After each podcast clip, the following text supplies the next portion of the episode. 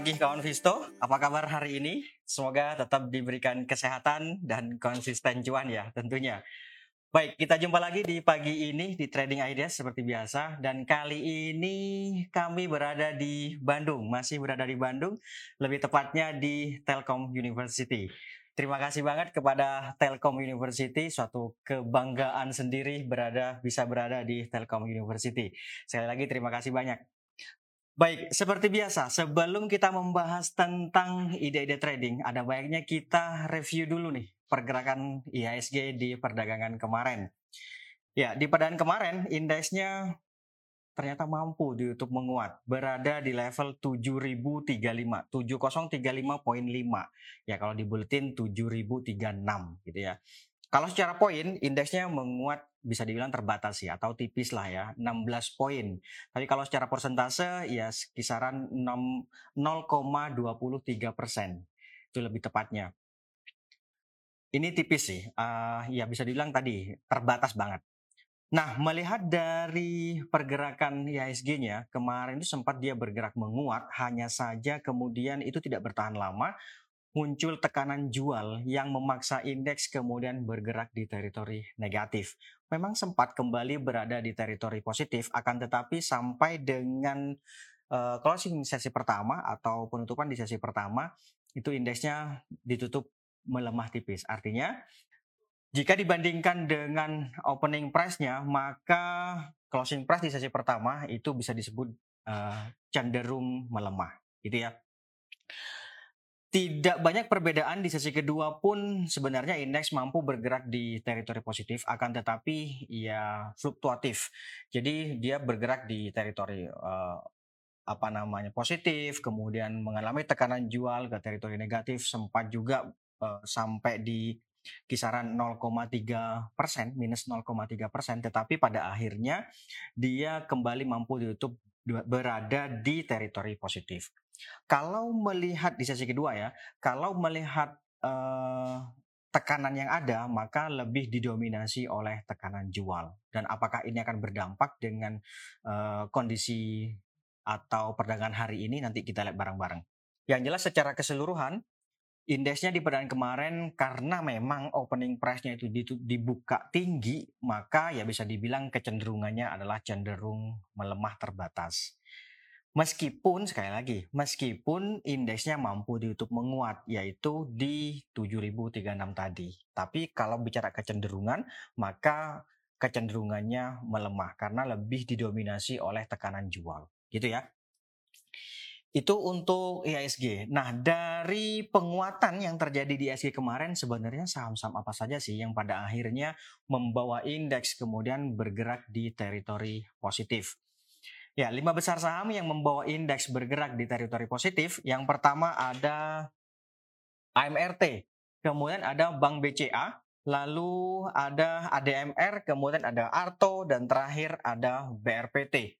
Itu dia lima besar saham yang uh, membawa indeks bergerak menguat.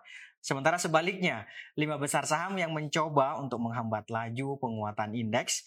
Yang pertama ada Astra Internasional, kemudian ada TCPI, lalu ada Bumi, BRMS, dan terakhir ada INTP.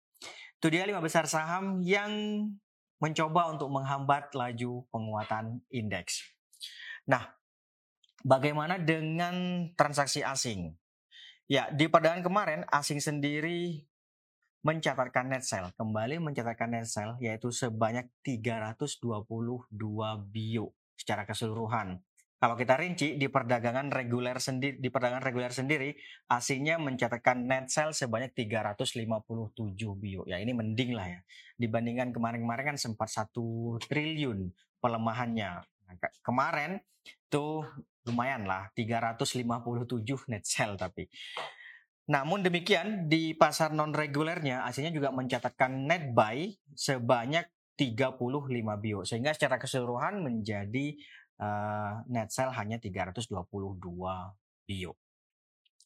Itu untuk net sell asing.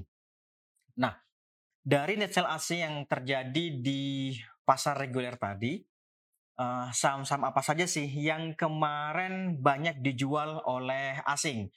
Lima besar saham yang banyak dijual oleh asing di perdaan kemarin. Yang pertama ada Bank BRI atau BBRI. Kemudian berikutnya ada Astra Internasional atau ASII. Lalu ada Telkom, Adaro, dan terakhir ada Bank Mandiri. Itu dia lima besar saham yang banyak dijual oleh asing. Termasuk juga sih di antaranya ada Tower, Inco, kemudian Buka. Nah, Buka ternyata juga masuk ke salah satu yang banyak dijual oleh asing, meskipun masuknya ke 10 besar, tidak ke 5 besar. Gitu ya. Nah, sebaliknya nih, lima besar saham yang banyak dibeli oleh asing di perdagangan kemarin. Yang pertama ada Adaro Mineral atau ADMR. Kemudian ada ITMG, lalu ada Bank BCA, kemudian ada BRPT, dan terakhir ada SMGR atau Semen Indonesia. Itu dia lima besar saham yang banyak dibeli oleh uh, asing, termasuk juga ada Tebik, Tebik, UNTR atau UT gitu ya. Itu uh, termasuk salah satu yang banyak dibeli oleh asing, tapi masuknya ke 10 besar. Baik, itu dia transaksi asing. Bagaimana dengan outlook hari ini? Ya, sekarang kita ke sini. Nah, kalau melihat pergerakan indeks di perdagangan kemarin kan sempat dia nih bergerak melemah ya. Sempat uji uh, support yang ada di sini nih 7000 level uh, bisa dibilang juga ini adalah level psikologis 7000 akan tetapi dia belum mampu untuk bergerak di bawah uh, EMA 50 yang ada di sini nih kawan. Eh sorry, MA 200 yang ada di sini nih kawan. Yaitu ya 7 ribuan lah gitu ya atau 6990.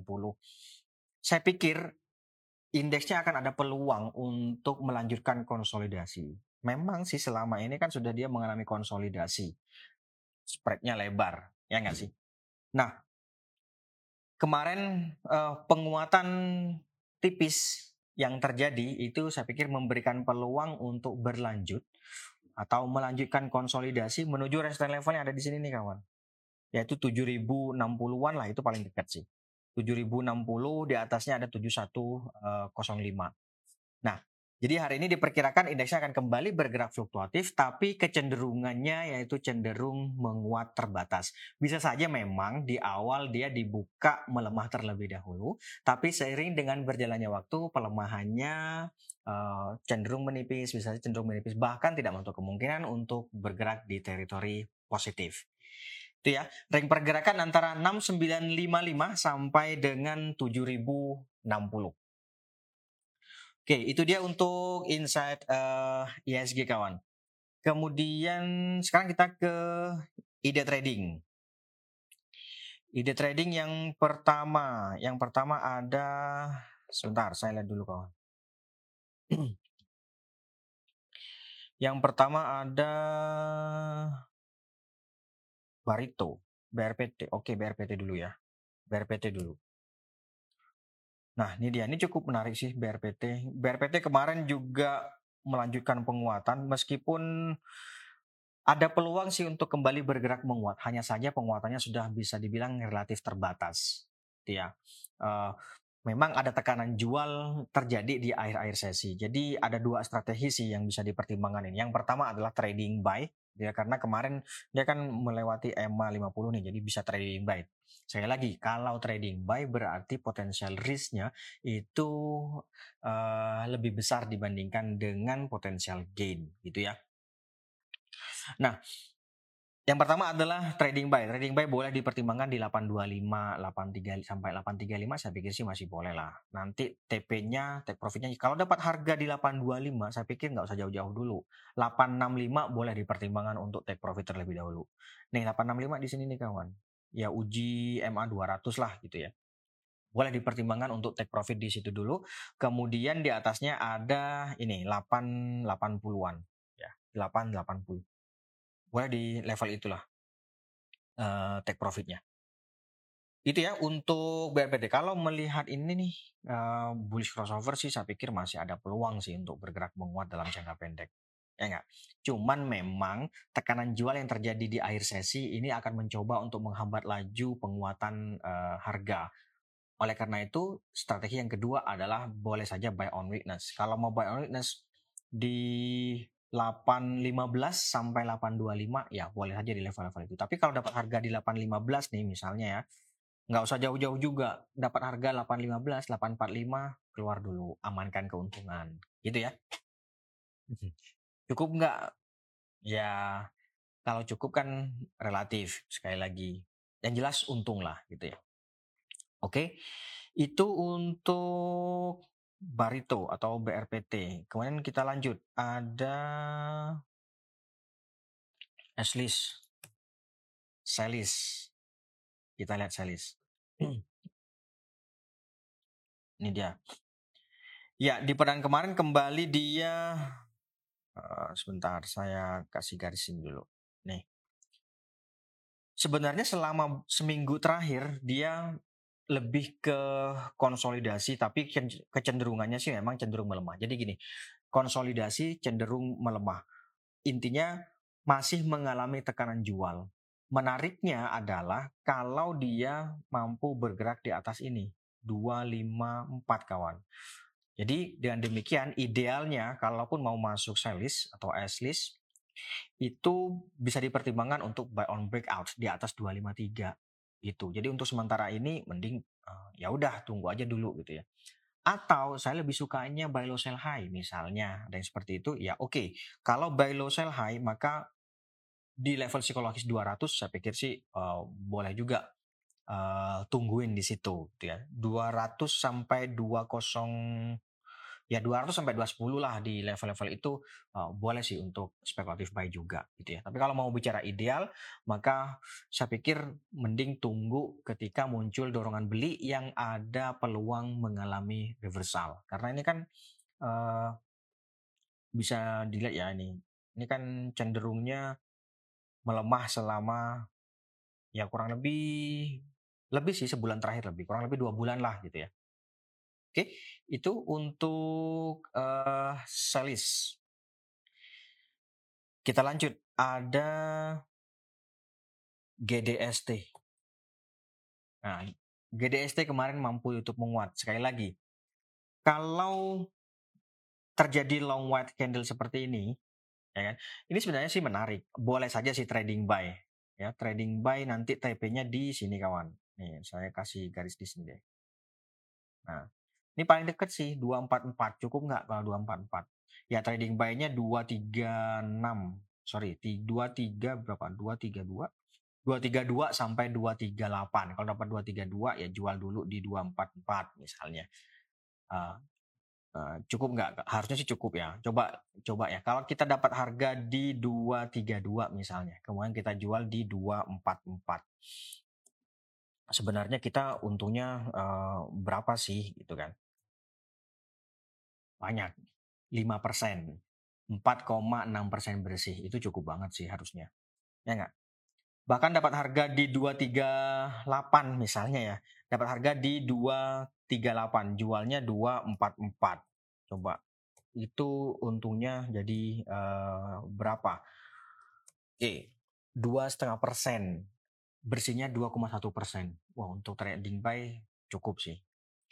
Barangkali kemarin sudah ada yang ikutan, misalnya ikutan di closing price 238 atau ikutan di 244, nggak ada salahnya juga pasang jual langsung di 244 gitu ya. Oke, itu untuk uh, eh, GDST karena gini, biasanya seperti yang pernah saya selalu saya singgung, selalu saya bilang, ketika terjadi long long white candle ada potensi untuk mengalami pause terlebih dahulu. Kalau terjadi pause, misalnya hari ini dia bergerak melemah gitu ya, tapi kemudian dia bergerak naik di atas resisten level ini, maka boleh dipertimbangkan untuk uh, spekulatif buy lagi gitu ya. Contohnya kayak gini nih, ini kan pause nih, ya nggak long white candle terus jadi pause. Besoknya dia bergerak di atas penguat uh, menguat di atas ini ini spekulatif buy boleh, trading buy boleh. Nah, nanti targetnya dicari lagi resistance levelnya berapa. Nah kebetulan kalau hari ini resistance levelnya adalah paling dekat itu 244 gitu kawan. Di atasnya itu ada 250. 244 250. Boleh lah pertimbangan main-main di situ gitu ya. Kalau support terdekatnya 2 tadi 232 kemudian di bawahnya ada 224. Oke. Itu untuk GDST kawan. Kita lanjut. Ada lagi Pico. Oke, ini dia Pico. Nah, kalau melihat pergerakan harga selama berapa? Tiga hari terakhir itu misalnya. Kita lihat tiga hari terakhir dulu, ya. Tiga hari terakhir dua hari kemarin dia sempat bergerak menguat nih yang ini nih. Yaitu tanggal 11 sampai tanggal uh, eh, 14 ini kan bergerak menguat nih ya enggak? Akan tetapi tekanan jualnya itu tampaknya lebih mendominasi. Tahunya dari mana? Ini muncul uh, shadow long shadow atau long tail gitu ya jadi ini kan berarti kan filosofinya di awal dia mengalami dorongan beli yang sangat tinggi, akan tetapi kemudian dia mengalami tekanan jual yang memaksa harga kemudian hanya ditutup uh, menguat penguatannya tipis. Nah, di perdagangan kemarin itu praktis memang sempat dia bergerak menguat beberapa poin, uh, kemudian mengalami tekanan jual yang itu mendominasi sampai dengan akhir sesi. Terjadi oleh karena itu kemudian terjadi black closing Marubozu ya kan? Yang kayak gini nih kawan. Melihat tekanan jual seperti ini maka idealnya bagi yang sudah punya idealnya adalah TP terlebih dahulu. Amankan keuntungan terlebih dahulu. Gitu ya. Nanti bottom finishingnya di berapa? Oke katakanlah misalnya misalnya TP-nya di berapa? 480 480 boleh. Atau 474 gitu misalnya. Kemudian nanti bottom finishingnya 460 oke. Kalau misalnya laku di 480 kemudian bottom fishing di 460 itu cukup sih. Ya enggak? Cukup sih untuk uh, udah untung sih itu. Atau di bawahnya lagi misalnya uh, misalnya lakunya di 474 nih atau 470. Coba aja. Di sini 446 gitu ya. Coba kita kita hitung ya. Kalau misalnya kita jual di 470 kemudian bottom fishingnya di 446 sebenarnya kita untungnya berapa sih? Kan gitu kan. 5% loh. 5,3 persen. Bersihnya kan berarti 4,9 eh, persen. Itu cukup sih harusnya. Oke, itu untuk Pico. Kemudian berikutnya ada kios. Ya, kios sejauh ini dia mengalami konsolidasi. Ini uh, boleh saja sih kalau mau dimasukkan ke watch list. Nah, buy on breakout di atas ini kawan, 472 gitu. 472 kemudian nanti TP-nya nggak usah jauh-jauh. 4 uh, level psikologis 500 boleh lah gitu ya. Level psikologis 500 atau ya di bawahnya dikit juga boleh lah. Pokoknya kalau kelihatan nggak kuat nih di 500 udah buang buang aja gitu ya. Haki-haki gitu.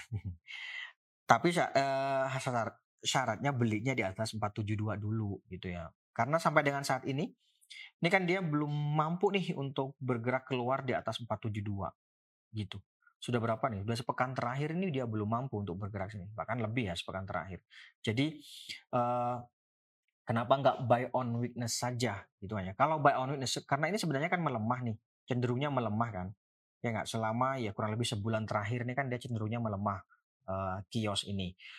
Memang sih supportnya kan ada di sini nih 448, tapi kalau cenderung melemah kan ada potensi untuk uh, apa namanya ya hmm, membentuk lower low atau pelemahan lebih lanjut gitu ya. Ada jadi strategi yang paling pas menurut saya adalah ketika muncul dorongan beli yang setidaknya itu mengindikasikan terjadinya reversal gitu kawan.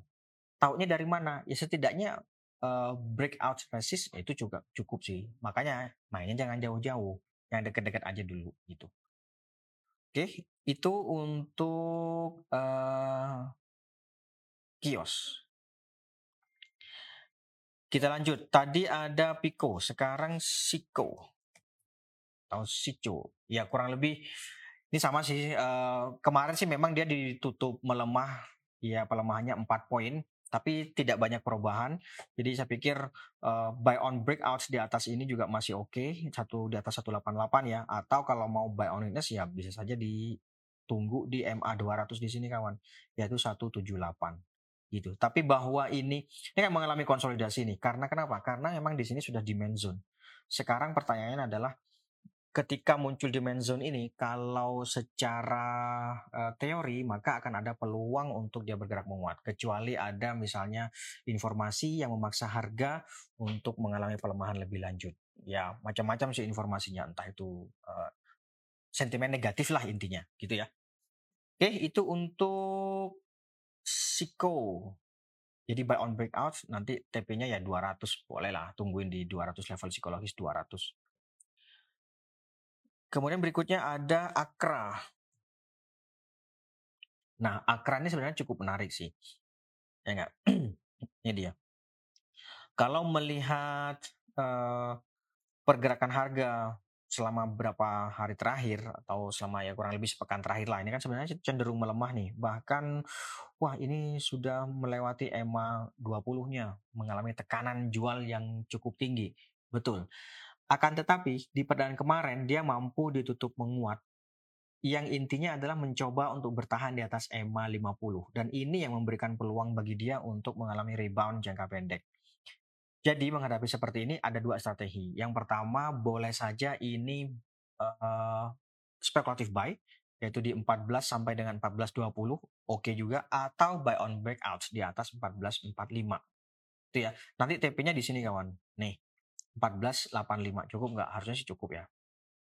Atau misalnya kalau dapat harga di 1400 katakanlah hari ini dia bergerak turun uh, bertahan di 1400 gitu misalnya ya bisa saja spekulatif buy nanti TP-nya nggak usah jauh-jauh kalau dapat harga di 1400 bahkan 1445 aja harusnya sih udah uh, untung ya. Coba kita kalau dapat harga di 1400 kemudian kita jual di 1445 untungnya sebenarnya berapa sih? 3,2 persen bersihnya 2,8 persen harusnya sih cukup ya kalau cukup sekali lagi kalau cukup relatif ya melihat ini nih ini akan ada indikasi bullish crossover nih menarik sih boleh lah ini masuk watchlist juga. Oke, itu untuk Akra. Kemudian berikutnya ada lagi BCA. Oke, kita kita oke kalau BCA sebenarnya dia mengalami konsolidasi selama ya lebih sih dari dua pekan terakhir ya. Dan konsolidasi di atas seperti ini maka bagusnya adalah buy on breakout yaitu di atas 8.900 itu kalau mau memanfaatkan fluktuasi jangka uh, pendek tapi kalau view-nya adalah untuk jangka panjang maka bagusnya sih ini ya buy on witness sih tunggu tunggu pelemahan terlebih dahulu. Ya enggak gitu. Kalau sekali lagi kalau fluktuasi uh, kalau mau memanfaatkan fluktuasi jangka pendek maka ya, menurut saya sih ada baiknya dipertimbangkan untuk buy on breakout saja yaitu di atas 8.900 ya tadi ya berapa? 8.900 betul di atas 8.900 nanti uh, take profitnya 9.075 sampai 9.200 bener nggak ya 9.200an lah gitu tapi kalau view-nya untuk jangka panjang uh, atau to medium ke atas lah gitu ya, maka ada baiknya pertimbangan untuk buy on weakness saja, tunggu ketika melemah saja. Gitu ya. Strateginya berbeda soalnya kawan. Oke, itu untuk BCA. Kemudian kita lanjut. Ada IATA. Nah, iya tadi cukup menarik sih. Dia udah konsolidasi ini tapi nggak bisa ditinggal ya. Harusnya sih uh, ini main cepat aja sih. Hit and run gitu. Atau kalau sekarang kan scalping gitu. Nah, ini boleh saja sih spekulatif buy 140 uh, sampai 142 nanti take profitnya nggak usah jauh-jauh di sini aja nih. Dapat harga 140 jual 145 itu udah cukup sih harusnya. Ya nggak sih? 145 yang jelas resistance level terdekatnya 145 kemudian ini kawan 148 bolehlah di take pay, uh, di take profit di level-level itu gitu ya Oke, atau misalnya karena kemarin tekanan jual tampaknya di akhir-akhir sesi cukup mendominasi, ya boleh saja buy on witness di 137 sampai 140. 137 sampai 140. Misalnya nih hari ini ternyata dia bergerak melemah nih. Kemudian nyentuh 137 137 atau 138 misalnya spekulatif buy di situ. Tapi ingat kalau belinya di 137 atau 138 enggak jangan terus nunggu 145. Ya enggak? Jangan terus nunggu 148 gitu. Itu terlalu tinggi. Uh, keburu nanti keburu ke, keburu diguyur, keburu dikarungin gitu. Ya. Kalau dapat harga 137 misalnya, 140, 142 keluar gitu. Gitu ya. Jadi mainnya cepat. Uh, apa namanya mesti diperhatikan juga kalau nggak punya waktu ya mending uh, jangan jangan ke IATA. Oke, kita lihat berikutnya lagi ada Jekon. Jekon ya kurang lebih uh, sama sih ini dengan tadi yang IATA. Saat ini dia masih mencoba untuk bertahan di atas ini kawan nih. Ini berapa nih? 150. Ya bolehlah spekulatif buy 150, 152. Atau mending buy on breakout nggak sih? Di atas 158. Wah 158 kan jauh lumayan lah. 152 ke 158 oke. Kalau seperti itu ya boleh saja. Gitu ya. Misalnya dapat 151 kalau dapat 150 katakanlah ya, dapat 150, nggak usah jauh-jauh. 155 keluar. 155, 156 keluar dulu deh. Di atasnya memang sih ini, di atasnya kan di atas 155 itu ada 158. Tapi menurut saya sih pokoknya uh, kalau yang seperti ini mainnya jangan jangan uh, jauh-jauh dulu gitu ya. Baru nanti kalau dia mampu bergerak di 160, oke okay lah kita bisa berharap banyak dengan uh, tapi dengan volume yang cukup tinggi ya. Karena ada peluang kan dia bergeraknya sampai ke 168 kayak gitu-gitu. 168 bahkan 177 uh, tergantung nanti uh, gimana sih kondisi pasarnya kayak gitu. Oke itu untuk Jekon. BP siap. Siap kawan kawan Hadi. BP Nah ini dia, BP kemarin mampu tutup menguat sedang uji resist 149. Buy on breakout, oke okay juga boleh juga sih buy on breakout cuman eh, satu empat sembilan kalau dapat harga satu di atas satu empat sembilan jualnya di berapa? satu lima tiga cukup nggak? Yang jelas resistance levelnya kemarin uji resist sembilan lalu di atasnya lagi ada satu lima tiga. Di atasnya lagi ini nih kawan satu enam satu. Itu sih bolehlah main-main di level-level itu. Kemudian supportnya ini ada di sini nih. satu empat satu Iya, 143. Kemudian di bawahnya ada 1 uh, 143 140. Gitu ya. Oke. Okay. Boleh pertimbangkan main-main di level-level uh, itu untuk BP. Nah, memang si BP ini kalau udah gerak dia akan cenderung uh, lumayan tinggi gitu ya. Luma, ya ya lumayan lah keuntungannya. 3% dapat gitu ya. 5% dapat gitu. Cuman waspada aja. Kalau sudah terjadi long white candle seperti biasa, selalu saya bilang kalau terjadi long white candle waspada aja terhadap adanya potensi pause atau breath. Oke, kita lanjut kawan. uh, WH, WH. Sekarang kita ke WH. Uh, Oke, ini dia WH. Nah, WH eh, kemarin mencoba untuk bertahan di atas EMA 20, ya boleh saja sih ini spekulatif buy. spekulatif buy boleh di 110 sampai 113, oke sih, boleh saja di level-level itu. Nanti target take profitnya ada di 116. Nih, 116 kawan. Lumayan lah ya, coba kita hitung ya. Kalau dapat harga katakanlah di berapa dapat harganya? 113, kemudian kita jual di 116. Coba dapat berapa kita? 2,6 persen. Bersihnya 2,2 persen. Cukup sih. Saya sih cukup. Berbeda orang kan beda gitu ya. Di atasnya ini deh. Di atasnya 116 berapa? Nih. Ini berapa nih? Satu satu dua satu ya satu dua satu di Telkom University. Oh iya, betul kawan. Alma mater ya. Telkom University. Uh, salam. Oke. Wah, ternyata sudah jam 9. Baik, saya pikir itu dulu kawan Visto untuk hari ini. Terima kasih atas kehadiran dan partisipasinya. Kita jumpa lagi uh, besok. Tetap jaga kesehatan, Mohon maaf jika ada kesalahan dan sekali lagi saya ucapkan terima kasih ke Telkom University Bandung. Terima kasih atas sambutannya dan uh, sekali lagi bangga sekali bisa, berada di Telkom University. Baik, sekian dari saya. Terima kasih. Selamat pagi. Salam investasiku for better tomorrow.